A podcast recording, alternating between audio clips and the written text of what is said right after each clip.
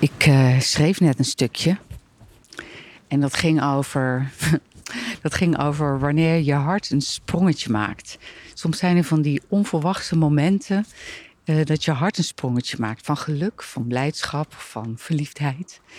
En um, ik had vandaag zo'n moment. En dan, dan voel je dat in eerste instantie niet eens letterlijk in je hart, maar je voelt een soort hoe, dat gevoel. En dan uh, voel je dat vervolgens ook in de rest van je lijf. En ik merk dat dan ook altijd een soort van in mijn bovenbenen, dat die zo een beetje week worden.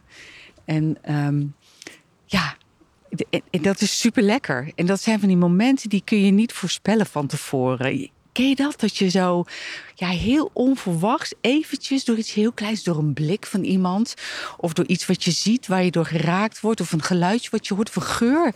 Het geur kun je het ook zo ontzettend hebben. Zo. Even dit romantische moment verstoord door een hond die um, even met zijn achterpoten allemaal aarde tegen me aantrapt. oh, en ik die door het water loop te soppen. Um, zo, hallo. Het is echt heel nat hier. Maar, nou, even terug. Dat, dat moment, dat gevoel, dat.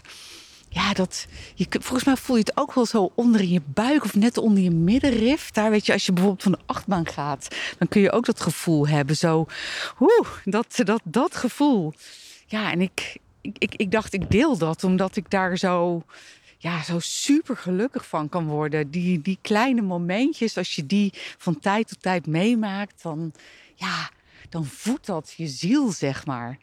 En um, ik dacht ook, volgens mij ontstaan die momentjes ook dat je jezelf openstelt. Dat je je zintuigen uh, toegang geeft om deze momentjes, die signalen op te vangen. Want als je ja, niet opkijkt, niet open bent, niet ruikt, niet luistert, niet hoort, niet ziet, niet voelt, dan, ja, dan komen deze momenten ook niet tot je. Dan ervaar je ze niet, of misschien ervaar je ze wel minder krachtig. Het zijn natuurlijk maar hele kleine signaaltjes. En ja, je moet er goed voor openstaan om die op te vangen. Ja, en vandaag ving ik dus zo'n momentje op. En uh, Jeetje, dat is echt zo lekker. Ik, ik, het is echt, denk ik, nu al meer dan een uur geleden, maar ik voel me er nog steeds zalig bij. Dus uh, ik zou zeggen, deze week lekker al die zintuigen opengooien en uh, ervaren maar.